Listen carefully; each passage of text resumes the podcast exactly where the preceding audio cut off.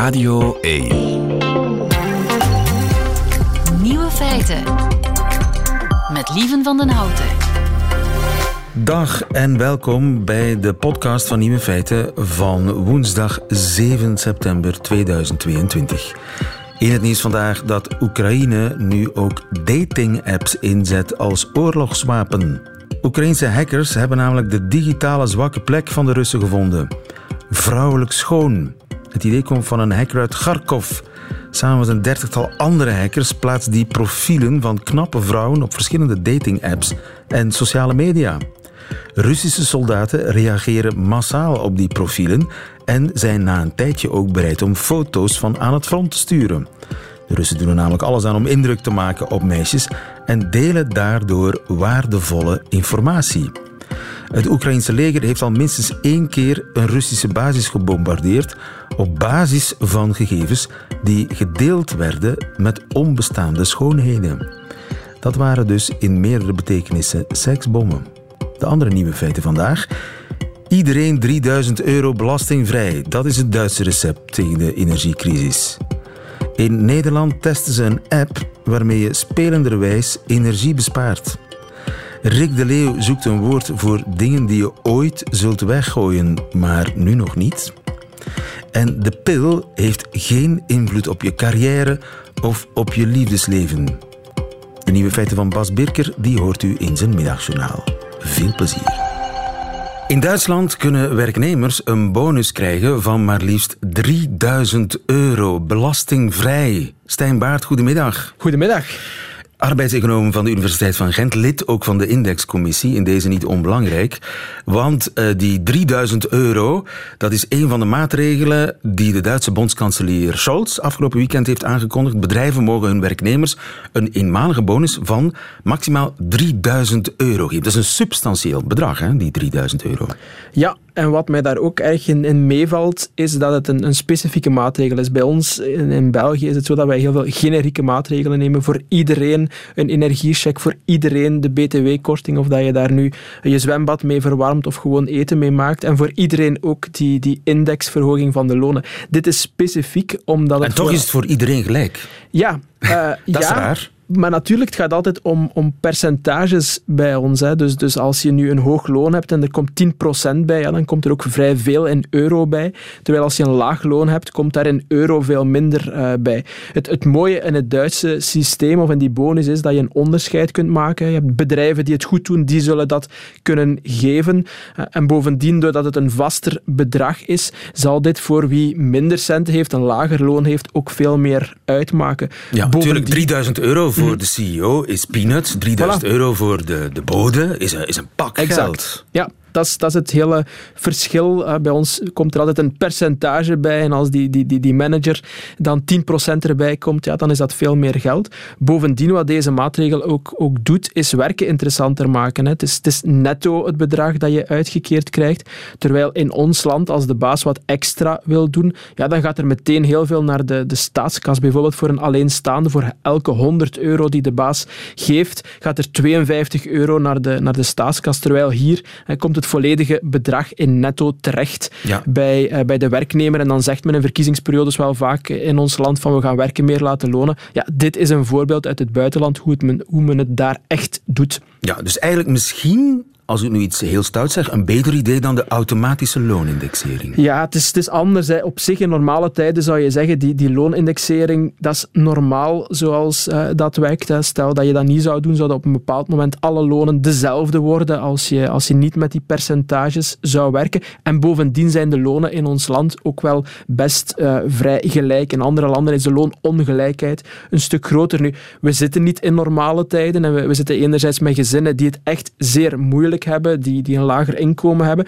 En andere gezinnen die een goed inkomen hebben, die zullen misschien wel eens vloeken door die hoge energiekosten, maar die kunnen nog sparen en beleggen. En dat je op dit moment zou zeggen, ja, we gaan eens indexeren in centen in plaats van in procenten. Bijvoorbeeld de volgende keer dat er 2% uh, stijging is in de levensduur, dan gaan we niet iedereen 2% bijgeven, maar bijvoorbeeld 50 euro per maand. Ja, dan gaan de gezinnen die het moeilijk hebben, dat, dat sterker uh, voelen, omdat dat voor hen wel een belangrijk bedrag is. Ja, het is niet niet alleen misschien eerlijker voor de kleine lonen, maar misschien is het economisch gezien verstandiger, want het gevaar van, en nu ga ik een verschrikkelijk, hyperinflatie, misschien moet je dat eerst eens uitleggen, het gevaar van hyperinflatie ja, loert toch om de hoek, hè? Ja, op een andere zender zouden ze gewoon zeggen heel hoge inflatie of steeds sterker wordende inflatie. En om er nog een ander moeilijk woord bij te leggen, uh, waar wij dan over spreken, is, is de loonprijsspiraal. Dat wil zeggen, de prijzen stijgen, daardoor gaan in ons land automatisch de lonen omhoog. En dus gaan de prijzen weer voilà, stijgen. Voilà, voilà. Dat is die hyperinflatie. Dat is ja, het, het, het kwaad versterken met het bestrijdingsmiddel. Ja, dat is misschien nog mooier uh, uitgedrukt. Maar uh, we zien dat elke maand in de indexcommissie krijgen we daar grafiekjes. En dan zien we langs een kant, ja, die inflatie die, die, die stijgt wel. En we moeten elke maand uh, het assenstelsel aanpassen om de nieuwe inflatiecijfers er nog op te krijgen. Maar als we de vergelijking maken met de buurlanden, dan is het niet zo dat bij ons die inflatie sterker stijgt. Dus die loonprijsspiraal, die zien we voorlopig nog niet, al moeten we het natuurlijk wel opvolgen, want het gevaar is natuurlijk dat uh, ja, onze bedrijven zich uit de markt prijzen, dat ze de strijd verliezen met de buitenlandse concurrenten en dat zou dan natuurlijk tot jobverlies kunnen leiden. Ja. En dan kun je wel spreken over koopkrachtverlies door die index die misschien wat uh, achterkomt, die loonaanpassing op de, op de prijzen, maar dan ga je natuurlijk pas echt naar koopkrachtverlies als je binnen je gezin uh, je job zou verliezen. Juist. Uh, en een, een mengvorm van het Duitse en het Belgische systeem. Zeg maar een soort van mm -hmm. bovengrens bijvoorbeeld aan hoeveel uh, je loon kan stijgen. Mm -hmm. Wel, normaal gezien zou ik zeggen, ja, doe dat niet, want je lonen gaan op, op den duur allemaal het, hetzelfde gaan worden. Hè. Die, die hoge lonen die gaan steeds afgetopt worden en het gaat dan ook minder interessant worden om promotie te maken. Maar in deze tijden ja, is, is even solidair uh, proberen zijn in het systeem uh, en te kijken uh, waar, waar kan er misschien wat af, waar is die koopkrachtbescherming misschien wat minder bij de, bij de rijke gezinnen en die minder laten doorstijgen. Ja, dat is, dat is toch echt wel iets dat je op dit moment zou kunnen overwegen. Het, het, het moet misschien eens een beetje minder uh, ja, voor iedereen de, de, de bescherming zijn, maar, maar, maar toch vooral gericht naar, naar gezinnen met een minder inkomen om meer te kunnen doen voor hen. En dat hoort dan een loonstijging meer in centen dan mm-hmm. in procenten. Yes. En ligt dat ergens op een tafel waar je weet van hebt? Dat ligt er al sinds de jaren tachtig. Toen Ach. sprak men er al uh, over. En ik weet dat, dat bijvoorbeeld vooruit in, het, in, het, in het parlement dit, dit ook als een soort van ja, crisissysteem op tafel heeft gelegd. Dus die ideeën zijn er wel. Langs de andere kant is het toch wel iets anders doen dan dat we gewoon zijn. Ja, en dat zijn we in ons land veel minder gewoon. Hè. Dus iets echt hervormen, zelfs al is het maar tijdelijk. Ja, wij, wij zijn toch meer gewoon om de ene koterij op de andere te bouwen en alles te laten bij wat het is. En daar dan nog een cheque uh, of een korting bovenop te gooien die dan voor iedereen dezelfde is. Ja, we zouden toch wat meer creatief moeten zijn in moeilijke tijden, denk ik. We zullen zien. Stijn Baart, dankjewel. Met plezier. Het ontbreekwoord.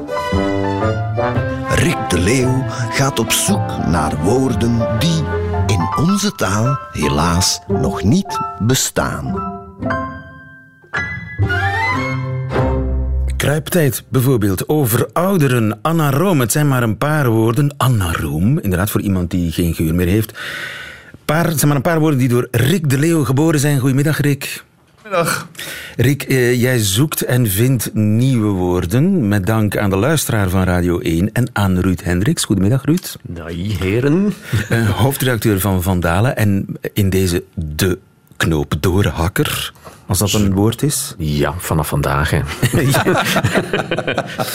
Rick, waar zochten we vorige week een woord voor? Overweldigend veel reacties op onze vraag van vorige week over de tijd die verstrijkt tussen het besef dat je iets gaat weggooien en het daadwerkelijke weggooien. Ja. Onze voorbeelden waren, ik zal even het geheugen opfrissen. Onze voorbeelden waren de verjaardagskaart en het kliekje in de koelkast waarvan je al weet dat je het niet meer gaat opeten. En wat zegt het over de landsaard dat er wel geteld nul reacties op de verjaardagskaart binnenkwamen en honderden over het kliekje? Aha.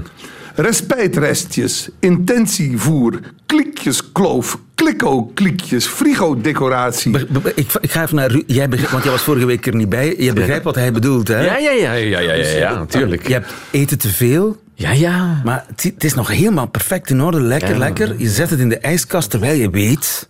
Je weet het echt al. Mm -hmm. Binnen vijf dagen gooi ik het weg. Mm -hmm. Binnen drie dagen misschien al. Ja. Maar je kan het nog niet weggooien. Ja. Die, Hoe noem je dat? Dat, is eigenlijk, dat was eigenlijk ons probleem. Dus, Precies, nou, de, de, de inzendingen waren, eh, waren werkelijk geweldig. De elasti- elasticiteit van de taal werd ook bij deze vraag weer duchtig op de proef gesteld. Dat was heerlijk. Maar het ging ons eigenlijk meer om het psychologische proces daarachter. Het nog even uitstellen van wat uiteindelijk Ja. onafwendbaar blijkt. En dat is precies wat luisteraar Anke Tijgeler zo mooi vangt met de woordspeling procrastineren. Dus niet procrast, protast, protestineren. Pro- niet procrastineren, wat, voor, wat uitstellen is, maar procrastineren, dat is uitstellen door het in de kast te steken. Procrastineren. Juist, maar ik Oef, weet, eh, te ingewikkeld, dat Ja, doen we niet. Die, die het Lieven- niet volgens mij. Heb je een top 5 voor ons? jij, jij en ik weten dat onze voorzitter woordspelingen doorgaans geen lang leven nee, voorspelt. Dus nee, daarom deze top 6 voor deze Top keer. zes, oké. Eh, Marije Vlaskamp kwam met vroegingsdagen. Geert van den Bond met parkeerprul. Det Pijskens met nog eventjes. Maar dat als een zelfstandig naamwoord natuurlijk. Dus eh, dat zijn e- één of twee, dat zijn meerdere nog eventjes. Ehm, Ronald Jozef Jansen met schuifkliek. Dat is even uit, nog uit de voedselcategorie. Eh Isabel Kerkie met loospoos. Dat is de tijd. Dat is de, de- dus, de- ja, ja, we bouwen nog een loospoos in. De poos die het duurt om te beslissen iets te lozen.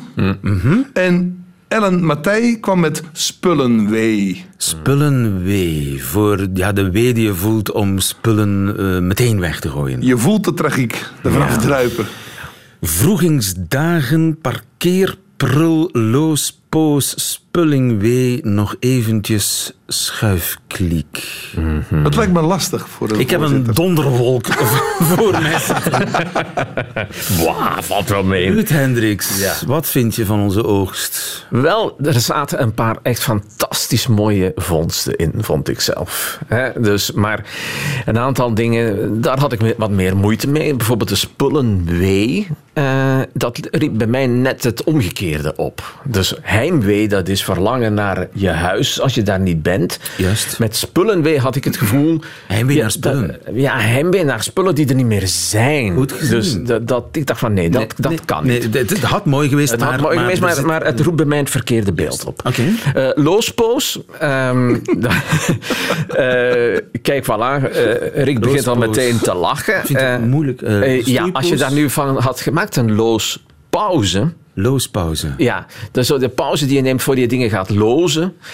Oké, maar Een lozen vind ik... loospauze. Ja, maar, dat, Ja, maar- maar die staat al direct op één bij mij. Ja, maar lozen klinkt voor mij dan weer heel negatief. Zo. Want dat zijn dingen die je nog gauw wilt lozen. Maar ehm, nee, ik ben dus tegen mijn eigen principes in nu even gaan kijken naar wat vond ik echt wel een heel leuke vondst. Eh, hoewel het tegen al mijn andere regels ingaat, maar ik kies voor de nog eventjes. Ah, ik ook. Nog Ach, kijk. eventjes. En, en ik ga proberen uit te leggen waarom. Dat is een nog eventje. Dat is een nog eventje. Is een, ik, ik hou ze nog eventjes. Eventjes, Nog ja. eventjes vasthouden. En het past wel in een, een rij van woordjes die we in het Nederlands hebben. Hè, dus we Je hebben begint al in, verkleinwoorden, in verkleinwoordjes te een spreken. hebben dingetje. Ja, ja. Eh, een afdankertje. Oké. Een afleggertje. Dat zijn zo allemaal... Past in een traditie. Het past in een traditie. Eh, En het zit ook in die woorden zoals afleggertje, afdankertje. Die zitten zelfs in dezelfde betekennissfeer. Ja. Dus ik dacht van, dit eh, is dan een goed argument. Maar waarom ik het ook doe, dan komt de, de taalwetenschapper weer naar boven in mij. Er zijn in het Nederlands bijzonder weinig woorden die afgeleid zijn van zo'n bijwoordelijke groep. Ja, Wel juist. normaal blijven praten, hè, Ruud? Ja, ja, Oké, ik ga daar niet verder op in. Zegt maar- de man van de hyperinflatie. Maar wat ik bedoel is dat een, een, zo'n construct waarbij je uitgaat van een, een bijwoord, nog even. En je maakt daar een zelfstandig naamwoord van, dat gebeurt niet vaak in het Nederlands. Ja. En dus we, we- je, je hebt, een dingetje, daar zit een werkwoord in. En wist je datje hebben we ook nog, daar zit ook een werkwoord in. Maar hier zo een nog eventje, dat is gewoon een bijwoord. Dat zich gewrongen heeft in een rijtje van het Nederlands. En dus kan het wel. Vind ik wel. Oké, we hebben een eh, woord toe te voegen aan onze ontbreekwoordenlijst. De, het, het nog eventje. Dus het, hè? Het Ah nog ja, eventje. Verkleinwoorden zijn onzijdig, hè? Ah, het is toch wel weer spannend, hè? De geboorte van een woord. En nog even, ben je blij, uh, Rick? Ik ben heel, heel blij. Ja, ik, ik, ik, ik had gevreesd namelijk dat, uh, dat de voorzitter uh, het iets te woordspelig zou hebben gevonden. Dus ik ben zeer blij dat dit erdoor komt. Ik, ik denk dat dit alle met, met rechte reden een kanshebber is om de taal binnen te dringen. En nog eventje. Ja. Heb je weer een fenomeen voor ons waar nog geen woord voor is? Jawel, een anders soortig zelfs. Want soms duiken er in de taal situaties op waarbij dringend onderhoud nodig is. Het gaat niet echt over ontbreekwoorden, maar de verbeteringen zijn noodzakelijk. En Jan Houtenkiet, ons allen wel bekend, vraagt ons het volgende. Kan er een woord worden bedacht voor wat nu bedoeld wordt door de cirkel is rond? En zoals altijd heeft Jan Houtenkiet een punt. We gebruiken de cirkel is rond meestal als een reeks gebeurtenissen op een succesvolle manier eindigt. Maar waarom vieren we dat met een constatering die op zijn zachtst gezegd nogal onnozel is? Want de cirkel is namelijk per definitie rond. Als een cirkel niet rond is, is het geen cirkel. Als een cirkel drie hoeken heeft of eivormig is, is dat een ovaal of een driehoek. En als een cirkel niet volledig gesloten is, is dat in veel gevallen de letter C. Ja. Dus kortom, de uitdrukking de cirkel is rond is van een pijloze nietszeggendheid en verdient een vrolijk en intelligent alternatief. Alright. Wat denken we daarvan? Ik vind het is niet makkelijk. Nee, niet makkelijk. Dat hoeft ook niet altijd. En we hebben intelligente luisteraars, is weer eens gebleken. Dus de cirkel is rond. Die uitdrukking één woord, ja, maar dan in één woord. En afgerond is niet voldoende, want er zit iets vrolijks in. Iets, een opluchting zit erin. De cirkel is rond. Het is uh, werkelijk de, uh, uh, de blijmoedige ja. eindig, beëindiging van een, van een situatie, van een ja, reeks het is situaties. ons gelukt. Het is ons gelukt. Ja, we hebben het toch maar gedaan. Dat, maar dan in één woord. Ja. Oké, okay, u kunt reageren via de app. Of via de Facebookpagina van Rick de Leeuw, heb ik begrepen. Dat, dat is een feestelijke, bruisende partij daar over, over dit onderwerp, ja. Dat kan ik mij voorstellen. Dankjewel en tot volgende week. en uh, gefeliciteerd ook Det Pijskens, want zij was het die, af, die het uh, nog eventje bedacht. En vliegensvlug heb ik uit onze doos gehaald. Dead Paiskens, want zij was de backing vocaliste. Een van de beide backing vocalistes bij dit legendarische lied. Inzending 1983 voor het Eurovisie Songfestival van de Vlaamse Openbare Omroep. Eerste nummer ook op Studio Brussel ooit gedraaid. Dit is Pas de Deux met onder meer Dead Paiskens. Gefeliciteerd, dit is Rendezvous.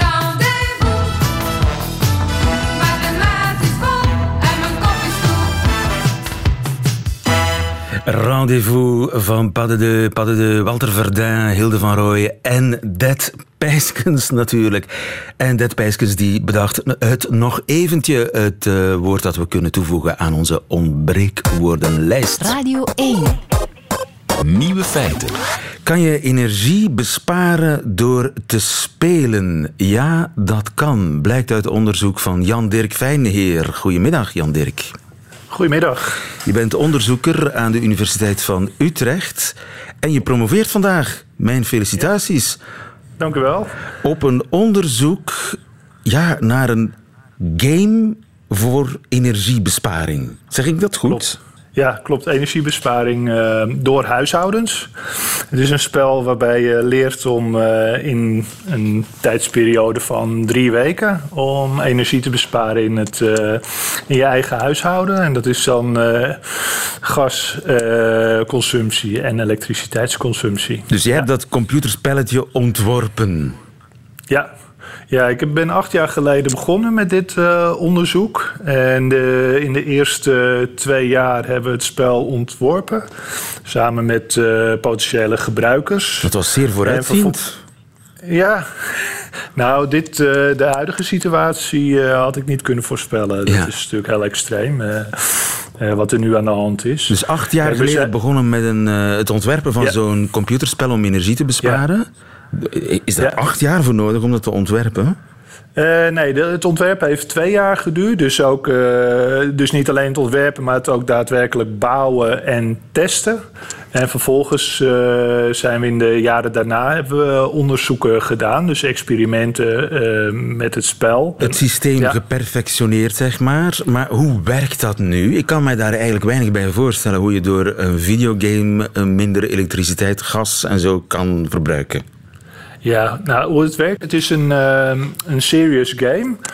Uh, dus dat is een spel uh, wat als doel heeft om door middel van vermaak jouw dingen te leren. Een serious game. Een serious game, ja. ja. Een, ja. Prachtig.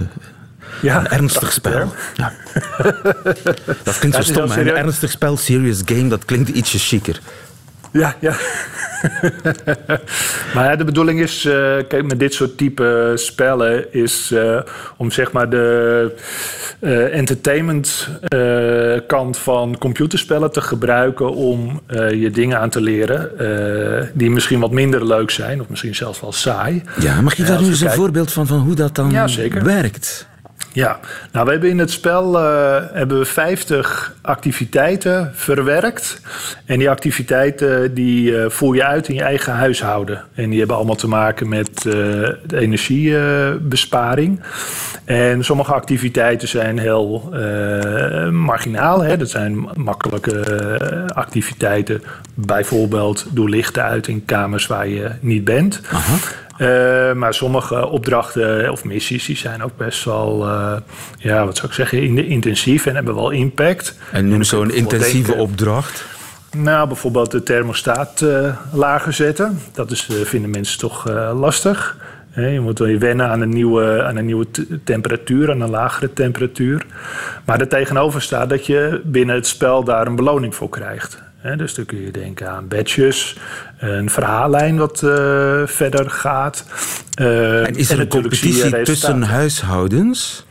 Ja, dat klopt. Daar heb ik ook specifiek onderzoek naar gedaan. Uh, wat het effect daarvan is. En wat we daarin uh, ontdekt hebben, is dat uh, als huishoudens in competitie spelen, dat het een stimulus is om nog meer te besparen. Dus mensen worden daar wel fanatieker door. Oké, okay, dus je kunt het alleen ja, tegen jezelf spelen, als het ware. En dan ja. krijg je als beloning ja, een badge of je gaat naar een next level. In ieder geval, je ja. krijgt geen geldbeloning. Het is, het is echt puur ja, zo'n ding op het, in het spelletje zelf. De idee dat je iets kunt winnen, ook al is wat je kunt winnen eigenlijk niks, niks specifieks waard.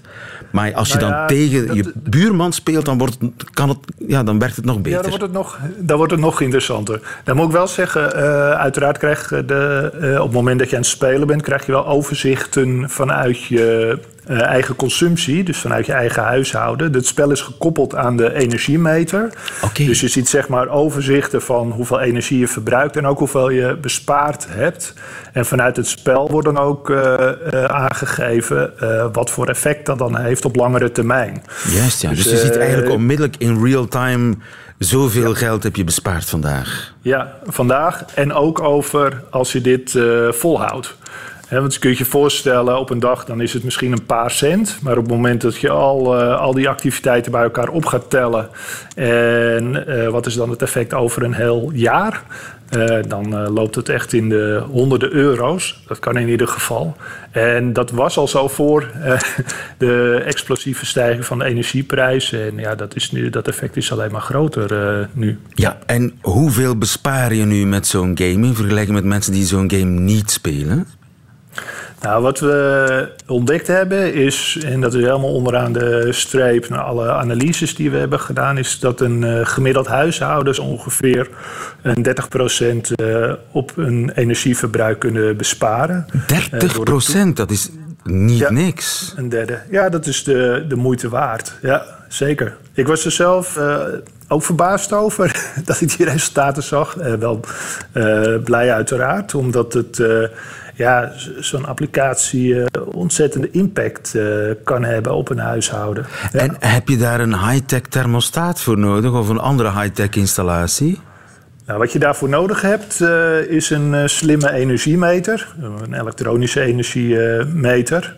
Zo'n digitale meter eigenlijk. Ja, zo'n digitale meter is dat. En eh, die is gekoppeld aan het eh, spel. En wij kunnen als onderzoekers eh, de informatie uit die uh, slimmermeter koppelen aan het spel. Ja. Als de huishouden daar uiteraard toestemming voor geeft. Ja. Ja, in België hebben meer dan een miljoen mensen zo'n slimme meter al. Ja. Voor hen zou je dus ook zo'n game kunnen maken. Ja, zeker. En zal Ik, dat ook eh, gebeuren? Denk ja, je? zeker. Oh. Ja, we zijn. ehm, ehm, ik heb rond vandaag eh, zeg maar dit onderzoek af eh, naar, met Power Saver Game. Echter eh, gaan we door met eh, vervolgonderzoek en gaan we de game verder professionaliseren, uitbreiden. Het wordt een hele mooie app, dus we gaan door met dit onderzoek en we willen ja, eigenlijk dat iedereen aan de Power Saver Game gaat. Hè? Dat Power het Saver Game. doel. Ja. En schat eens, wanneer zouden we dat als app gewoon in de, in de App Store kunnen vinden? Ja, het liefst zo snel mogelijk. Eh, alleen ervaring leert dat het ontwikkelen van eh, deze applicatie... dat het wel wat tijd in beslag neemt. Niet meer Dus deze winter. Nee, nee, dat gaat niet, eh, niet lukken. Wel het testen en doorontwikkelen. Maar het is heel essentieel in dit soort ja, processen. Eh, is dat je heel goed met potentiële gebruikers gaat kijken van wat werkt, eh, Ja. wat werkt niet. En dat men het ook goed begrijpt. Ja. Er zijn ook voorbeelden van studies waar dit niet goed gedaan is. En waardoor eh, er wel een applicatie is of een mooie game is ontwikkeld. Maar de gebruikers die, kunnen er eigenlijk niet zoveel mee. En dat willen we natuurlijk voorkomen. Nee, hij moet wel goed zijn. Ik wacht in spanning, Jan-Dirk Fijneer. Dankjewel en nogmaals gefeliciteerd met je game en je onderzoek. Goedemiddag. Dank u wel. Goedemiddag.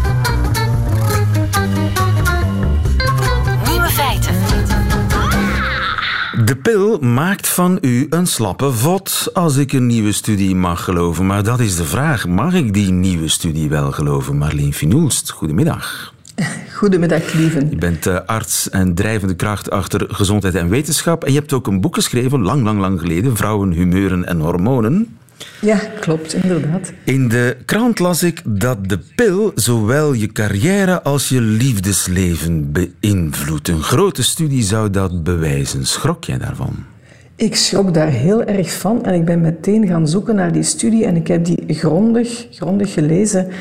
En dat bleek eigenlijk helemaal niet te kloppen. Dus die studie toont dat niet aan of claimt dat niet? Die studie claimt dat helemaal niet. Integendeel, wat die onderzoekers gedaan hebben, dat zijn drie psychologen, ik meen uit Australië, hebben eigenlijk eens alle studies bij elkaar gebracht die een verband zoeken tussen gedrag van vrouwen en pilgebruik. En eigenlijk was hun conclusie dat men geen conclusie kan trekken daaruit. En ik vond, ik In de vond krant het dan zo stond iets helemaal anders? in de krant, ja, in de krant stond iets helemaal anders. We hebben het dan ook gefactcheckt op gezondheid en wetenschap. Ik heb er ook een, een column over geschreven in het Belang van Limburg. Ik was een beetje van mijn melk van zo'n onderzoek, want eigenlijk, ja, het is, we weten al heel lang dat de pil de stemming wel wat kan beïnvloeden. Dat sommige vrouwen zich ja, niet lekker voelen, niet goed voelen in hun vel met de pil. En dan is het goed om een andere pil te gebruiken of een ander anticonceptiemiddel toekoer. Maar zo op die manier, zo scherp, nee, dat, dat ging wel heel erg ver. Ja, want dat de- is niet aangetoond. De nee. pil zou minder competitief maken, minder doorzettingsvermogen geven en vrouwen ja, zich minder sexy laten voelen. Ze zijn minder sexy gekleed en voelen zich minder aantrekkelijk, hebben een lager libido. Allemaal door die pil. En de logica zou zijn, ja, die pil die grijpt in op de hormoonhuishouding en hormonen hebben nu eenmaal invloed op gedrag. Dus die pil beïnvloedt het gedrag. Het klinkt logisch. Ja, het klinkt logisch, want vrouwelijke hormonen die hebben, die kleuren het bedrag, gedrag, eh, niet het bedrag, het gedrag. Bij, met testosteron weten we in grote groepen dat dat aanzet wat tot competitie, tot eh, dominantie, agressie. Daar is een link met eh, testosteron. Als je bijvoorbeeld bodybuilders die testosteron gebruiken, misbruiken, die kunnen ook heel agressief uit de hoek komen, dat weten we. En dezelfde manier weten we dat vrouwen beïnvloed worden door hun eigen hormoonhuishouding. Denk maar aan premenstruele spanningen. Wat is er nog? Kraambedtranen, dat, zijn ook hormoon, dat is ook de hormoonhuishouding die wat overhoop ligt. Maar dat gaat over onze natuurlijke productie, de natuurlijke productie van onze hormonen. Nu is de vraag, de pil, dat zijn synthetische hormonen die, die vrouwen nemen, die de pil gebruiken, hebben die ook een invloed op dat gedrag?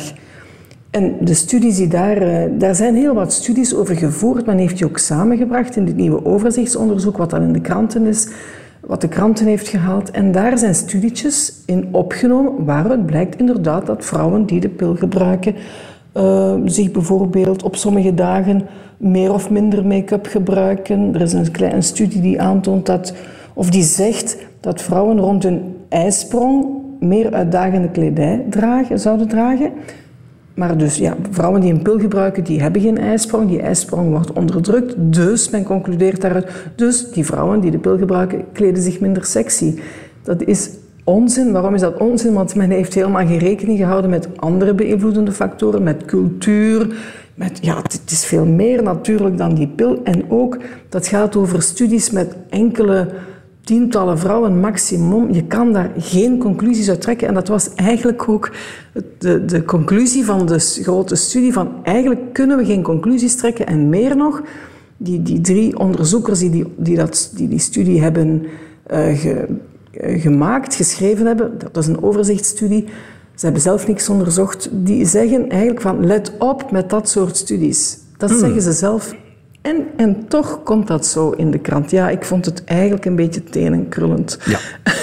Dus de invloed van de pil op gedrag is niet bewezen. Dat is de conclusie. Nee, het is niet bewezen. Je kan wel, dit, wat wel bewezen is, het kan, de pil kan je stemming wat beïnvloeden. In de twee kanten. Sommige vrouwen voelen zich daar kiplekker bij, anderen voelen zich een beetje somberder. Dat kan wel, maar het is niet bewezen dat de, de pil een invloed heeft op competitie, op, op, op uh, dat soort dingen hoger op de ladder. Ik heb, ik heb de gekste dingen gelezen. Uh, hoe je je kleedt, ja, daar heeft de pil echt nee, niets aan te zeggen. Duidelijk, dankjewel Marleen Finoelst. Goedemiddag. Graag gedaan. Dag. Ziezo, dat waren ze, de nieuwe feiten van 7 september 2022. Alleen nog die van Bas Birker krijgt u in zijn middagjournaal. Nieuwe feiten. Middagjournaal. Liefste landgenoten. Vanwege het helingsproces in mijn rug moest ik van mijn neurochirurg stoppen met roken. Het probleem is dat ik een onbedwingbare drang om te roken krijg als ik ga drinken en dus moest ik van mezelf stoppen met drinken.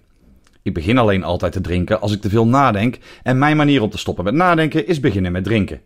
Ik ben geworden zoals mijn onderste vier ruggenwervels. Ik zit een beetje vast. Gelukkig bestaan er de geneugten van het alcoholvrije bier. Zo heb je toch het gevoel dat je jezelf wat gunt, maar dan zonder de desastreuze gevolgen. De helft van die zin was een leugen. En dus stond ik gisteren met een sixpack Corona Zero aan de zelfskan van Delhaize. Voor ik begin met stijgeren, Belgisch bierbelangenverenigingen en NA-nationalisten.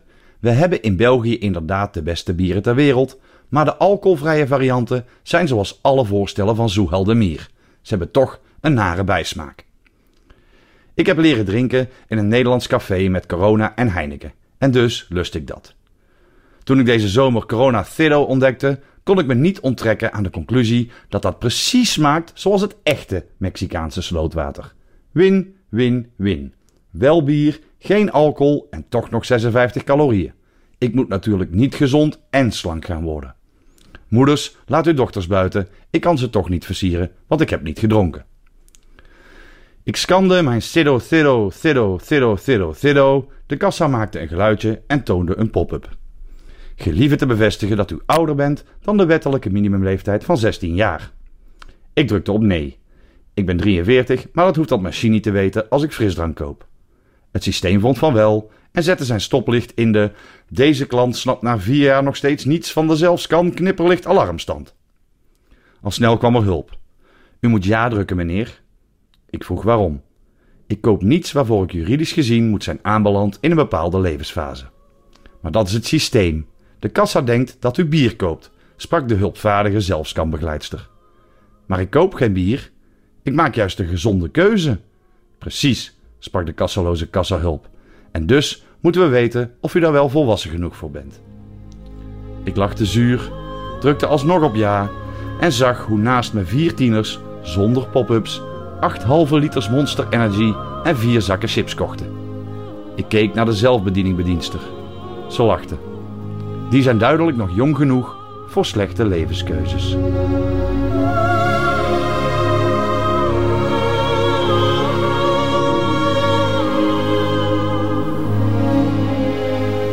Het middagjournaal met Bas Birker. Einde van deze podcast. Hoort u liever de volledige nieuwe feiten met de muziek erbij? Dat kan natuurlijk live elke werkdag via de radio, Radio 1. Of on demand via de Radio 1 app of website. De podcast vindt u op elk podcastkanaal. Bijvoorbeeld ook VRT Max. Tot een volgende keer.